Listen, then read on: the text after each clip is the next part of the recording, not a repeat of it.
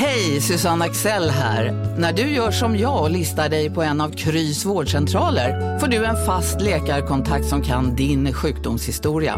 Du får träffa erfarna specialister, tillgång till lättakuten och så kan du chatta med vårdpersonalen. Så gör ditt viktigaste val idag, listar dig hos Kry. Big Mac har miljarder fans över hela världen. Under mer än 50 år har den skapat popkulturell historia. En legend med 100% nötkött och den mytomspunna såsen. Nu finns Big Mac för bara 39 kronor på McDonalds. En nyhet. Nu kan du teckna livförsäkring hos Trygg-Hansa. Den ger dina nära ersättning som kan användas på det sätt som hjälper bäst. En försäkring för dig och till de som älskar dig. Läs mer och teckna på trygghansa.se. Trygg Hansa. Trygghet för livet.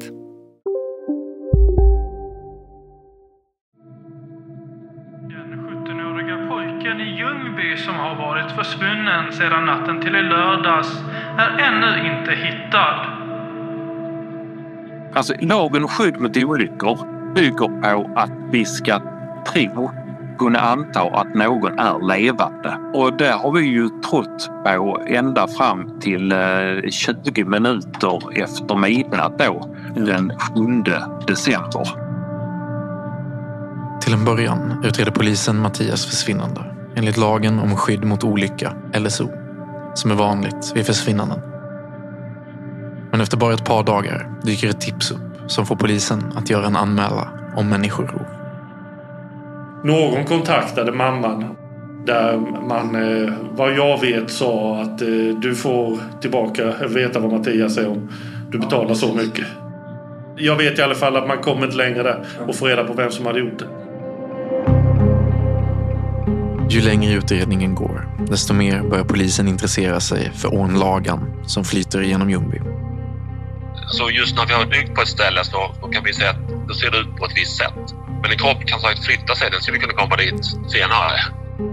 I hopp om att hitta Mattias kallas polisresurser i form av dykare och specialsökhundar in från runt om hela landet. Efter att polisens specialsökhundar under torsdagen har letat efter den försvunne 17-åringen i Ljungby så visade två hundar återigen intresse för en plats i lagen. Det här är Försvunnen. Fallet Mattias. En podcast av A Rabbit Hole för Nordio.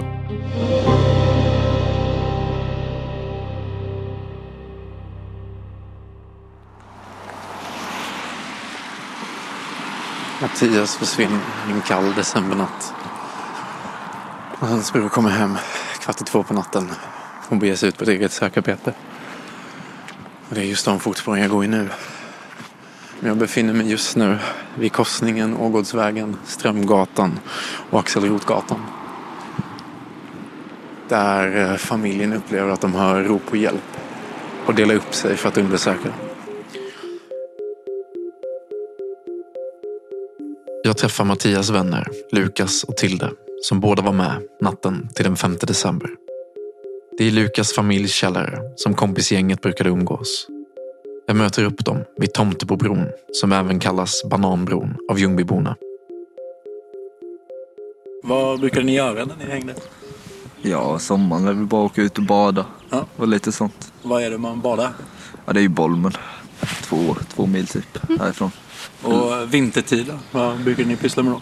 Ja, då sitter jag ju inomhus. Ja, Men- och sitta och i din källare bara. Ja, i min källare. ja. Skit. Ja. Det är, har du sett That 70 Show? Ja. Ja, det är precis samma Mm. princip. Hänger ni fortfarande där nere eller? Ja, då och då. Ja. Då och då så kommer man dit. Kommer ni ihåg den här kvällen då han försvann? Mm. Ja, det kommer vi ihåg. Ja, då samlades vi hos mig först och sen så um, kommer några andra från... eh, det är väl Chris som har bjudit in dem. Och några har aldrig träffat förut. Så. Som vanligt. Ja, ja. Ja, det är verkligen så att andra människor glider in på Ja, festen. ja, det kan det vara. Ja. Och så sitter vi där och umgås, eh, krökar lite, som man gör. Och sen så eh, kommer mina föräldrar hem där, eller jag vet att de ska komma hem, så då tänker jag att fan, det här är gött att eh, vara någon annanstans liksom, än här. Som man talar om, vakna hela natten. För att få, eh, då är det en tjej där så kan vi gå hem till henne. Hon var ensam hemma så gör vi det och så sitter vi där jättefint. Stort uterum och allt. Vi har riktigt trevligt faktiskt. Fortsätter kröka. Så att vi gör det är en relativt lugn kväll. Verkligen bara Mm. 10 till 12 personer. Sitta och snacka bara liksom. Verkligen sitta och snacka och lyssna på lite god musik. Det var en jävligt trevlig kväll. Ja, det var rolig. Alltså, Jag vet att vi satt och snackade om typ så här, gamla lärare och sånt där skit. Mm. Ja. Som, som man gör. Nej, men så det var liksom en hel, alltså en vanlig, lugn och rolig kväll. Alltså, så här, Det Mm. var inte något speciellt. Eller så, som stack ut. Nej, inget utöver det vanliga. Nej. I tidigare avsnitt berättade kompisen Nelly att gänget blev utslängda från festen på Klotvägen eftersom ett äldre syskon skulle jobba morgonen efter. Gänget återvände därför till källaren för att varva ner. Och sen så beger vi oss hem till mig och så sätter vi på... Jag vet inte om vi satte på någon film Jo, eller... vi måste satt på det. För det har jag också ett minne av att vi satte på en ja, film. tvn var i alla fall på. Ja. Ja, men så bäddade jag upp sängar till alla där. Det är väldigt tajt. Jag tror vi är sju, åtta personer som ska Mm. sova hos mig av någon anledning. Men ja, och sen så, eh, sen så sticker Mattias. Och eh, ja, och sen därefter så. Alltså han skulle ju hem. Det var ju inga, han inga sa konstigheter. väl att han skulle hem. Så det var ju inga konstigheter så. Jag sätter mig ner med min redaktionskollega Maria för att titta på den film som florerar i sociala medier från kvällen då Mattias försvinner.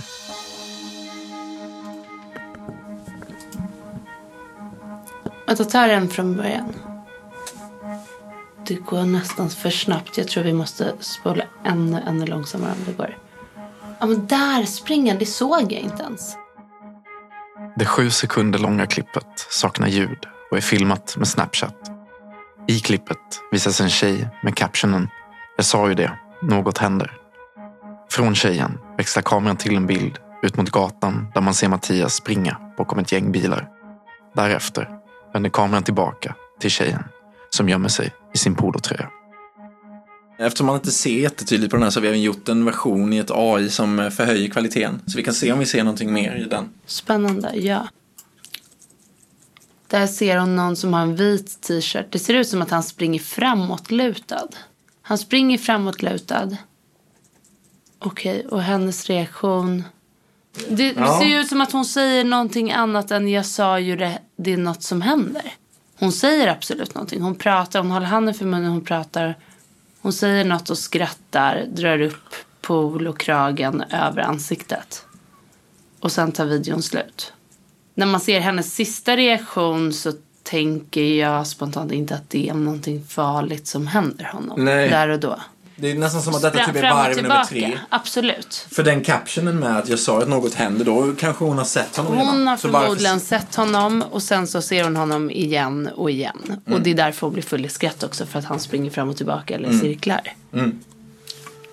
Och då är fortfarande frågan varför, egentligen.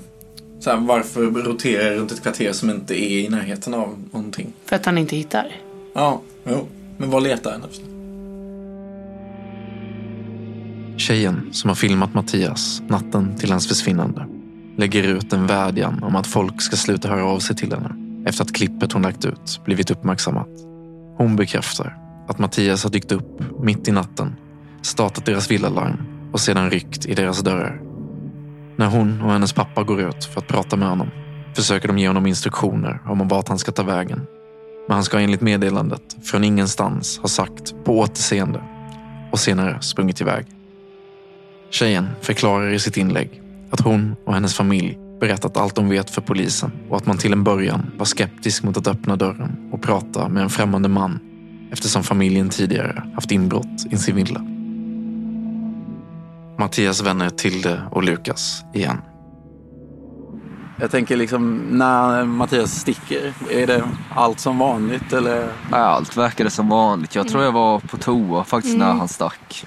Så jag reggade inte ens liksom att han hade stuckit. Jag vet det är sent och har man krökat så gör man inte det. Liksom. Så. Men eh, så som folk har beskrivit det så verkar allt verkligen som vanligt. Det verkar Ja. inte vara någon konstighet. Så att det inte verkar. Nej, alla satt väl bara där nere. Ja. Alltså, alla var väl typ rätt trötta liksom. Alltså, Det är lite tråkigt. Det var liksom slutet på kvällen. Ja, man bara, det var det. Det var Ja. dags att lägga sig snart. Vet ni ungefär vilken tid som Mattias sticker vid? Var det 01? Mm, det måste vara det, för jag tror att jag stack nästan en timme innan. Så det måste vara vid ett där. Tror det var en 01, halv två. Ja. Så är det bara grabbarna kvar eller när, när Ja, Mattias beger sig? någon tjej tror jag Mm. källaren kvar också. Varför Mattias springer runt i Replösområdet är fortfarande oklart. En teori som har florerat är att han ska leta efter den tjej som bjudit in kompisgänget till festen på Klotvägen. När jag går runt i området och knackar dörr så stöter jag på tjejen som är i fokus för de här teorierna. Hon har valt att inte ställa upp på en intervju men berättar en detalj som sticker ut. Hon förklarar att hon aldrig förstått varför teorin om att Mattias letar efter henne dykt upp eftersom hon själv under tiden Mattias springer runt på smalspåret befinner sig i källaren på Ågårdsvägen. Upplevde ni Mattias som berusad under kvällen? Jag upplevde inte det. Inte jag heller. Och ja, vi pratade ändå rätt mycket Ja. om Kanye West. Om eh, någon låt där. Som Famous, tror jag det var. Ja. Ja. Jag upplevde inte han som Nej. berusad under det samtalet. Jag tyckte bara han verkade du vet, så här allmänt skön. Alltså lite... Alltså bara, bara på bra humör liksom. Mm. Alltså så. Ja, inget var annorlunda utöver det vanliga. Nej. Nej. När får ni då reda på att eh, liksom, någonting är fel? Ja, det är ju där när det, när det rings i hans telefon. Mm. Och så eh, eh, brodern där lite stress i rösten. Och det ringer och sen så eh, rings ju polis och går rätt snabbt allting därifrån. Från det samtalet. Och det är väl där vid 02, lite över två förmodligen. Förmodligen. Det är efter det i alla fall. Mattias tvillingbror cyklar hem och letar efter Mattias men märker att han inte har kommit hem. Samtalen som Lukas nämner är då Mattias mamma och tvillingbror försöker ringa upp honom. Närmare en timme senare är polisen på plats hemma hos Lukas. Så att jag gör så här, förklarar situationen. Vad, de, vad vi har gjort och vad, vad det är liksom. Och så, eh, sen efter det så genomsöker de ju allting bara från mitt hus och en radio ute. Som man ska göra. Hur länge blir ni kvar i huset och när, när blir ni väl ivägsläppta? Är polisen hos dig hela natten då eller? Ja, mer eller mindre de genomsöker ju mitt hus först såklart. Jag tror de gör två gånger. Mm. En först så här lite lätt och sen en mer noggrann. Ja. I alla krök och vrån och väck. Och då väckte vi ju i och för sig mina föräldrar också så då var det inte så stor idé att gå till den här andra festen nu i efterhand. Men eh, alltså allt. Varenda yta i huset och sen i mitt eh, förråd utomhus och lekstugan alltså. Så bara från min tomt. Och... Sen så är vi vakna och försöker hjälpa till och leta. Och försöker gå en cirkulär, ja, från en radie ut från mitt hus då. Ja. Så gott det går. Och sen därefter så får man väl någon timma sömn. Och så kommer polisen och knackar på. Och så blir man förhörd i ja, rätt lång tid ändå. 30 minuter minst, en timme. Och sen så somnar man om, och så kommer polisen och så fortsätter det så. Så att det gör hela dagen. När liksom börjar man fatta att han verkligen är borta? Ja, det är ju... Ja, det är ju när man blir väldigt förhörd av polisen. Mm. Så det verkligen sätter sig rätt hårt. Och när man var ute och letade liksom, Ja. då fick man någon så här bara... Att han är verkligen borta. Alltså lite så. Det var o- overkligt liksom. Ja. Har ni någon gång funderat över vad det är som händer den här kvällen? Ja, det är väl det enda man har gjort sedan Mm. dess. Men det går ju inte riktigt att komma fram till något svar. Så det är väl inga, inte riktigt någon idé att fundera mer. Lite samtidigt så. Det är bara spekulationer. Det är bara fantasin som stoppar en där liksom. Ja. Det finns ju ingen förklaring eller något sånt. Nej. Så att det inte gör. Lokalpolisen i Ljungby tar över sökandet efter Mattias efter att polisen under natten till den 7 december väljer att avsluta den så kallade LSO-insatsen. Från den 7 december kommer utredningen att ledas av kommunpolis Hans Sjöberg.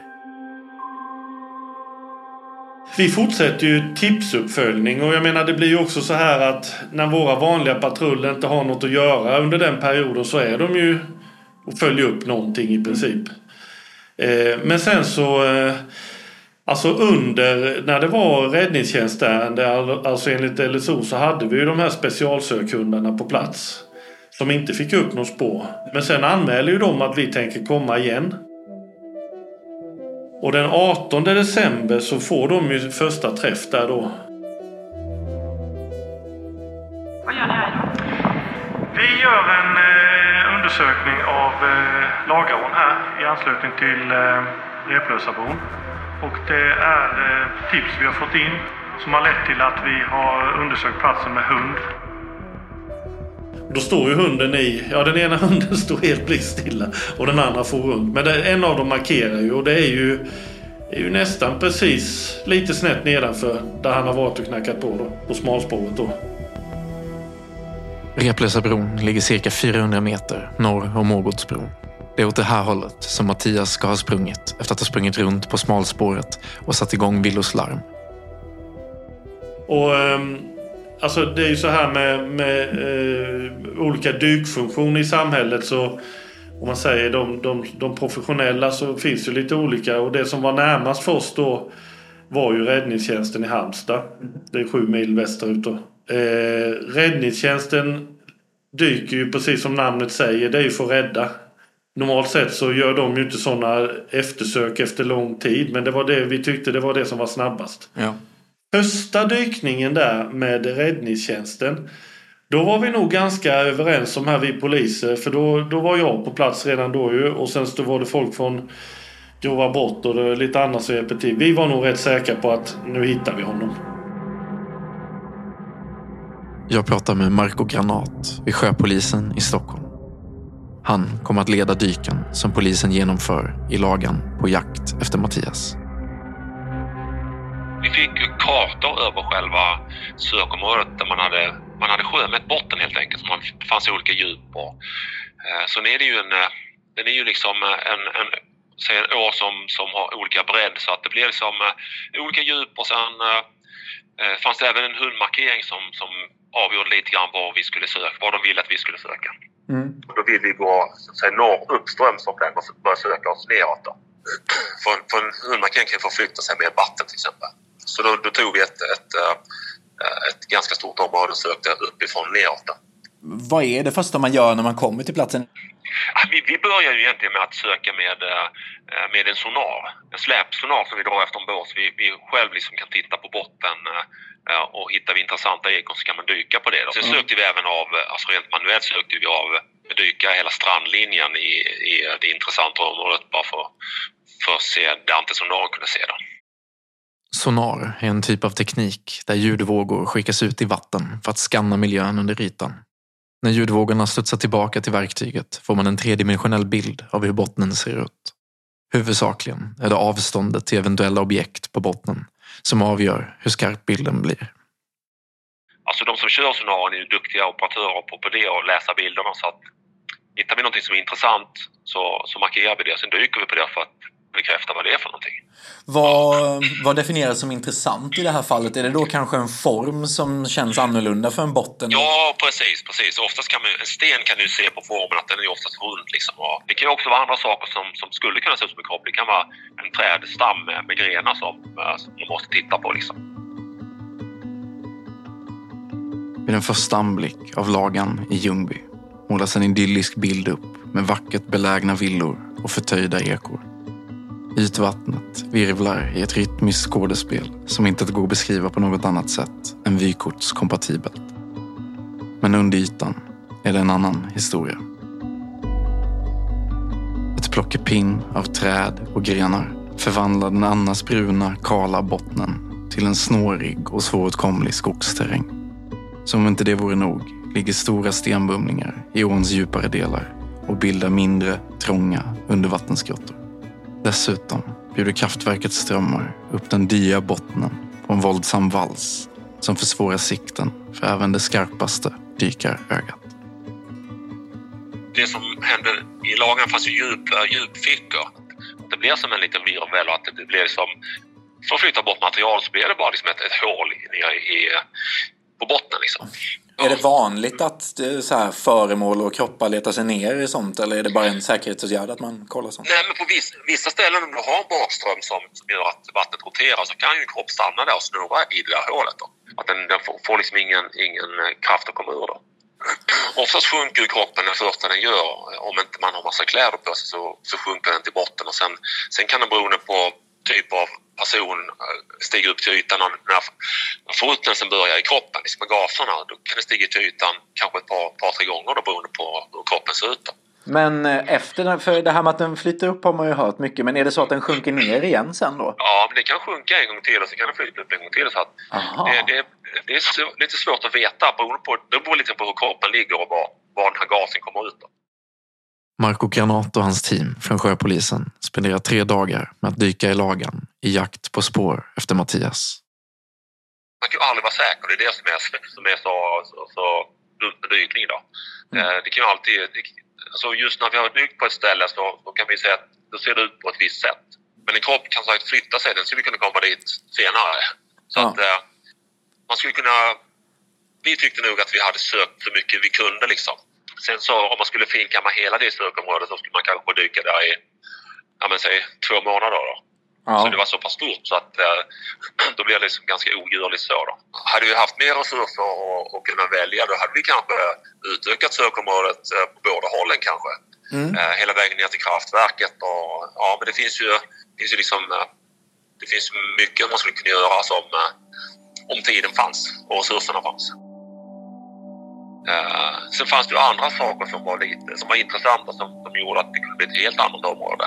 Det var ju just när det där skedde så hade vi haft något turbinfel på vatten, eh, vattenkraften som fanns längre ner. Eh, och då har de öppnat upp eh, sån här, eh, de fick ju stänga turbinen, sen öppnade de upp luckorna för att det inte skulle bli för mycket vatten då. Så har, har han legat och flutit med ner där under den tiden så har han ju svept ner, ner på nedansidan liksom och fortsatt längst ner lagan liksom, efter kraftverket. Och det kan man ju inte, det vet vi ju inte men det finns ju en risk att det kan ha hänt liksom, i och med att det var precis i, i den tiden som det här skedde då. De kan ju fortsätta hur långt som helst egentligen. Nu på Storytel. Första delen i en ny spänningsserie. En liten flicka hittas ensam i en lägenhet. Hennes mamma är spårlöst försvunnen.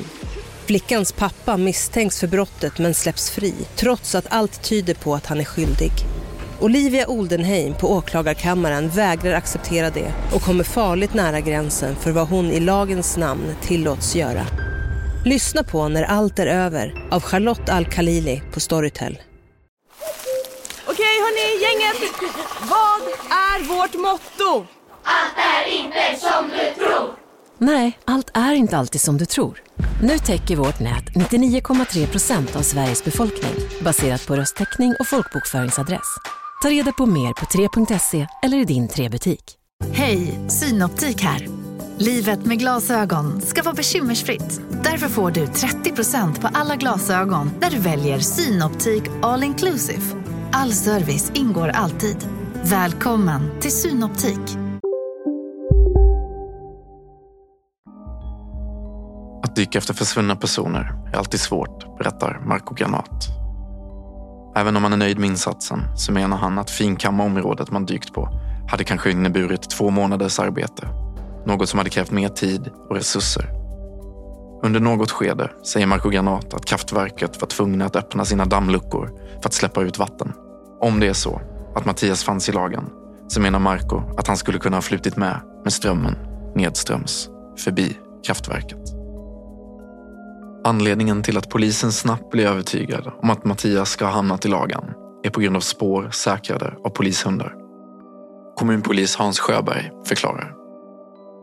Sedermera blev det ju att den 14 januari tror jag så är det tre olika specialsökhundar som markerar. Och det, det leder till att vi eh, kontaktar både marinen och eh, kustbevakningen. Och de är ju mer leta på det sättet och eftersöka på det viset än att det är räddningsdyk då.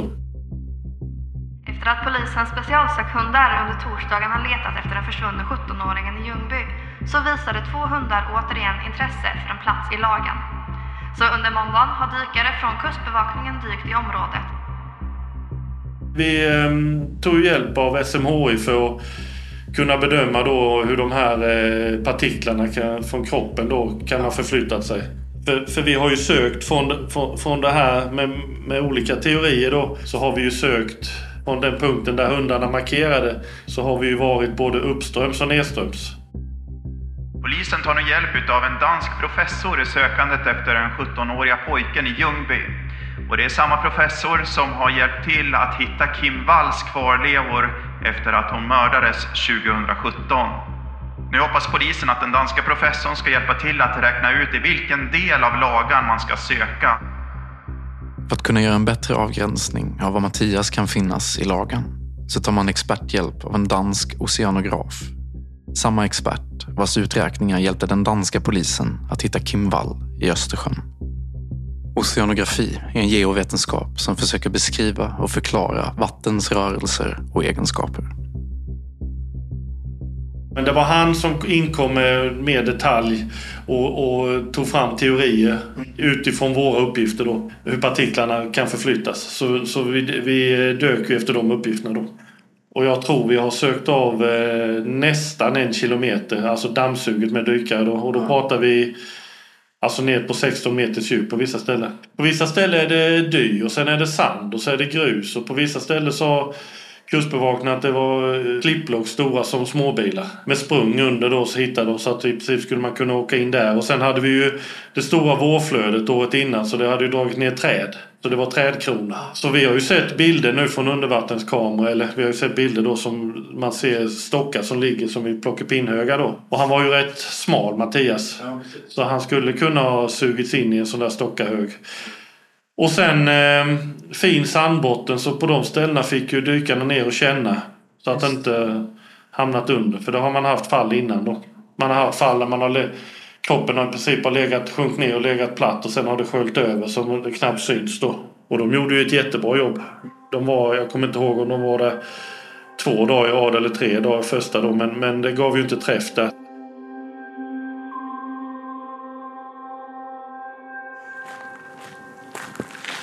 Befinner mig just nu på Strömgatan. Vid de här höghusen. Det ligger ett fyrtal relativt nybyggda höghus. Sex våningar. På andra sidan om dem, på andra sidan en cykelväg, kolonilotter. I nära anslutning till både kolonilotterna och höghusen ligger en förskola.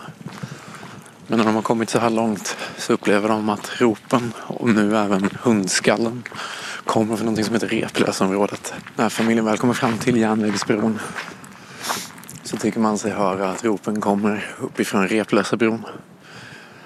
Så hans bror börjar springa vänster på en asfalterad liten stig, en liten cykelväg kan man säga, upp mot då Replösabron tills ropen inte hörs längre.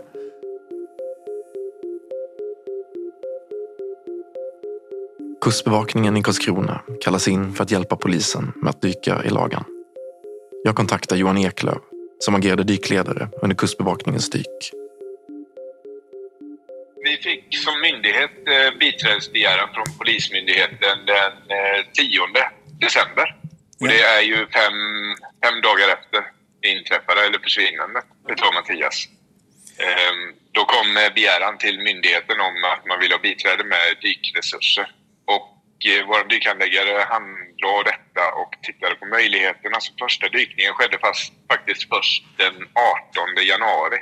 Så att den 18 januari så åkte vi upp med en dykgrupp och påbörjade de första dykningarna i lagan och informationsinhämtning tillsammans med polisen. Tätt inpå Mattias försvinnande anlände Kustbevakningen för att assistera polisen i Ljungby med dykinsatserna i lagen. I detta fallet så berättar Polismyndigheten vad det gäller, vilket fall det gäller. Eh, och när begäran kom in så pass tidigt efter det inträffade så, så är man väldigt restriktiv med vad som berättas. Ja. Eftersom det är en pågående förundersökning. Man vet inte riktigt omständigheterna runt omkring vad som har hänt och vad, vad som kan bli utkomsten av det. Mm. Så då är det absolut den nödvändigaste informationen man behöver ha. I korta ordalag så blir det egentligen att eh, vi ska dyka, vi ska söka, vi får veta vad det är vi ska söka efter och i vilket område vi ska söka. Tillsammans med polisen så lägger man upp en plan där man väger in erfarenheter från andra myndigheter och aktörer som har varit och dykt på platsen för att man ska hjälpas åt och, och måla hela bilden av vad som har hänt. Eftersom utredningen är i ett tidigt skede så får Kustbevakningen begränsad information. Men man blir informerad om vad och vem man ska leta efter. Räddningstjänsten var på plats när polisen utredde försvinnandet enligt LSO och de dyken görs på ett annat sätt än Kustbevakningens. Kustbevakningens är mer inriktade på specifika platser i ån och innebär mer finkamning. Och det hade vi väldigt mycket diskussioner tillsammans med Hans som eh, ledde utredningarna från polisens sida och som styrde oss i arbetet i samråd Mm. oss så planerade vi ju hur, hur vi skulle dyka och hur vi skulle söka. Och eh, det, det är alltid svårt att, att veta hur man ska göra. När vi började dyka i Lagan så hade flera aktörer varit där, bland annat räddningstjänst, polis med flera och dykt. Och räddningstjänsten dyker ju enligt LSO och de dyker i ett livräddande syfte i primärt. Och då, eh, då dyker man på flera ställen som kan vara intressant och baserat på de observationer som man kan ha med sig. Men när man sen går över i ett rent sök så måste man strukturera upp sökandet på ett helt annat sätt. Då Ja. måste man tänka på sådana här aspekter som vattennivån, har den höjts eller sänkts under perioden? Har vattenströmmen förändrats? Eh, temperaturer i vattnet? Är det skräp och bråte som kommit flytande med strömmen som ställer till det eller som gör att man har kunnat fastna i dem? Och sen så tillsammans så lägger man upp planen att vi ska söka från den här trädstammen som det var i första fallet när vi var uppe så började vi vid ett träd som vi var en tydlig markering och sen så sökte vi under vattnet upp till ett annat visuellt eh, märke så att man lätt kan peka att här emellan har vi sökt. Under dyken så letar Kustbevakningen utöver det uppenbara efter allt som sticker ut. Även om olika dyk innebär olika svårighetsgrader så förklarar Johan Eklöf att sök i vatten aldrig är lätt, även om vissa kan vara lättare än andra. Det här var ju i, i tidigt i januari som de första dykningarna skedde och eh, Lagan är ju ganska strömt vatten i perioder beroende på vattenstånd och nederbörd och hur mycket man släpper på i de här dammluckorna som är längre ner, nedströms. Så utefter de förutsättningarna så får, får dykaren berätta när han kommer ner till botten hur, hur långt ser man? Eh, hur strömt är det? Eh, hur upplevs kylan kopplat till att det är strömmande vatten? Vilket då gör att man, man fryser lite lättare och hur länge kan vi hålla på att dyka innan vi måste byta dykare? Det, det är ganska ansträngande som, som dykare att vara i för långa perioder. Så vi säger väl, säg en timma eh, i vattnet och så söka där du har lite begränsad sikt så, så tar det, det tar på krafterna. Man blir ganska trött i huvudet och vi vill ju inte att man ska slarva där nere så då kortar vi hellre ner tiderna och så byter vi dykare istället.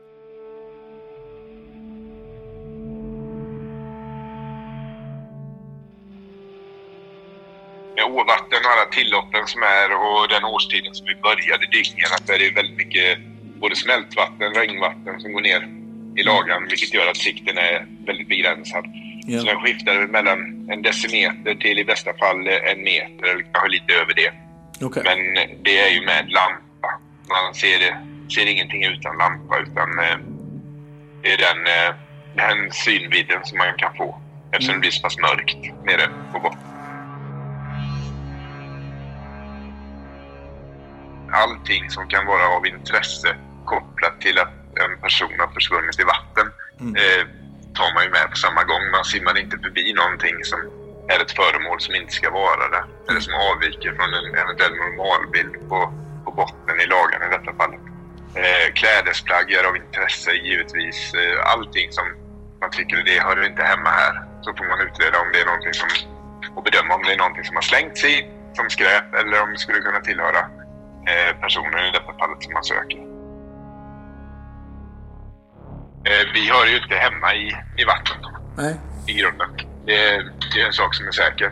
Och eh, en, en kropp som försvinner i vatten beter sig väldigt olika på hur den förflyttar sig beroende på de här faktorerna med djup, temperatur, typ av vatten, hur det ser ut på botten, om det finns saker att fastna i och så vidare. Mm. Så det, det går inte att säga att så här är det och så här blir det. För Förra gången gjorde vi så här och då lyckades vi. Men vi gör likadant denna gången men då lyckas vi inte. Mm. Så det är väldigt många faktorer som påverkar. Så säga att det är lätt eller svårt, det, det är så mycket omständigheter så det, det går inte att gradera. Nej, Givetvis så, så är det inte lätt. Eh, och eh, givetvis för varje dyk där man inte hittar något av intresse så växer ju sökområdet. I lagan är bekymret strömmarna, samtidigt som tiden på året spelar in. Då den låga temperaturen gör att dykarna inte kan vara i vattnet lika länge som vid högre temperaturer. Den 14 februari 2021 publicerar Aftonbladet en artikel om att företaget Statkraft hjälper till med att sänka flödet i lagan för att underlätta sökarbetet. Jag kontaktar Jan Olsson som är nätchef på Ljungby Energi.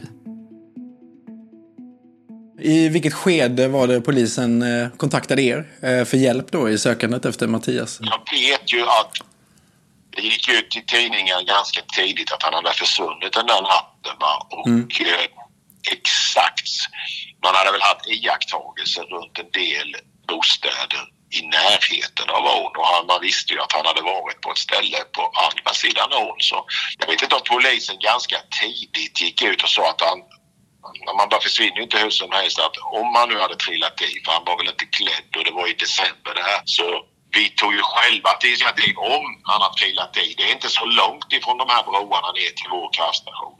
Det kan väl röra sig om max en kilometer. Så skulle någon ha ramlat i så borde de kommit ner till vår station inom ganska kort tid. Halvdygn, ett dygn kanske. Mellan kraftstationen och Replösabron ligger Ågårdsbron, Järnvägsbron och Tomtebobron. Vad var det de ville ha hjälp med från er sida? Ja, de ville ju att vi skulle vara observanta och de kontrollerade. Vi hade ju då som väl var så pass lågt vattenflöde så det, vi behövde inte ha några luckor öppna. Och genom turbinerna var det en omöjlighet att komma för det sitter ett galler då framför intagen så att säga som är ganska finmaskigt. Det är inte mer än kanske några centimeter, bara tre centimeter mellan de här gallret. Så, så där kan ju ingen komma förbi. Men då när de kom ner, då ville de ha hjälp. Då, då hade vi så pass lite vatten så vi kunde stanna en maskin och starta någon annan maskin. Vi ville ju inte öppna luckorna för då, där har vi ju ingen riktig kontroll vad som händer. Då åker du med vad som helst ut ju. Ja, det blir liksom mer strömt och sådär eller? Och kommer Ja, bråte? det, blir, det är bara som ett stort, ett stort hål. Bara du öppnar bara en port och sen bara åker det vatten. Där finns ingenting som hejdar där. utan Det är bara fritt blås rätt ut. Luckorna som Jan Olsson pratar om är de dammluckor som när de öppnas drastiskt sänker vattennivån i lagan och genom dem kan större föremål ta sig igenom. Men han betonar också att de luckorna förblev stängda både innan och under de första dyken efter Mattias. Sen har ju luckan varit uppe efter detta ett antal gånger på grund av höga flöden eller Mm. liknande. Va? Men eh, det är ju inget vi kan förhindra. Men eh, under den, tid, den tiden som var precis eh, efter och rätt många månader så var det aldrig öppet. Så för, jag förklarar ju för polisen också. Det finns inga möjligheter att han tar sig förbi här. Men det var aldrig några tveksamheter för er att och liksom hjälpa till med det ni kunde? Nej, det var man ju, det var ju, det var man ju tvungen till. Liksom, som, det, var, det var inga konstigheter för oss att hjälpa till med det lilla vi kunde göra nu. Och, så det var ju liksom alternat, det fanns inget alternativ. Nej. Bad de om hjälp så hjälpte man ju till bara. Så enkelt är det. Jag tycker att man borde ha hittat något när man dök så pass mycket. Det var jättemånga gånger man var där och med flera dykare och man höll på. Och, men Mm. samtidigt är det väldigt konstigt att det inte har kommit fram. Det, det är ganska märkligt ju. Samtidigt som polisen lägger allt mer fokus på lagan efter att tre specialsökhundar markerat där så fortsätter Missing Peoples och andra privatsöksgruppers sökande på land. Fortsatte du här så kom du vidare ner. Där, där nere någonstans kommer du till en lekpark. Okej. Och fortsätter du på den vägen så kommer du ner till eh, det här huset som eh, tjejen hade haft fest. Ja, Klotvägen. Ja. Ja. Så du kommer ju dit hela vägen och följer du den hela vägen ner så kommer du till eh, smalspåret. Jag träffar Gustav Bäck som är patrulledare på Missing People Kronoberg. Vi träffas i ett ödsligt skogsområde cirka en kilometer sydost om smalspåret. En väg som tar närmare en kvart att gå. Det är på den här platsen som privatsökarna gör ett fynd som kommer att så tvivel och väcka frågetecken för allmänheten. jag var ute faktiskt på ett sök då. Ja. När jag fick reda på det. Och eh, jag vart faktiskt väldigt glad när jag hörde det. Mm. För då vet vi att troligtvis har han varit här uppe och rört sig. Det är ju ett bevis på att det är hans strumpa. Strumpan som hittades i ett skogsområde i Ljungby i december förra året tillhör den försvunne 17-åringen som har varit försvunnen sedan början av december.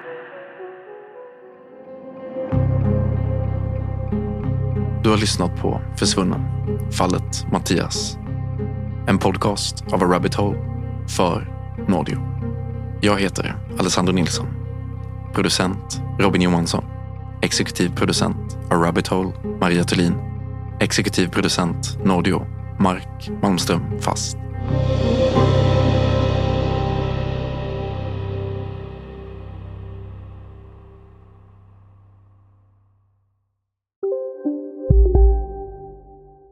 Välkommen till Maccafé på utvalda McDonalds restauranger med Baristakaffe till rimligt pris. Vad sägs om en latte eller cappuccino för bara 35 kronor? Alltid gjorda av våra utbildade baristor. Som medlem hos Circle K är livet längs vägen extra bra. Just nu får du som ansluter dig 50 öre rabatt per liter på de tre första tankningarna och halva priset på en valfri biltvätt. Och ju mer du tankar, desto bättre rabatter får du. Välkommen till Circle K.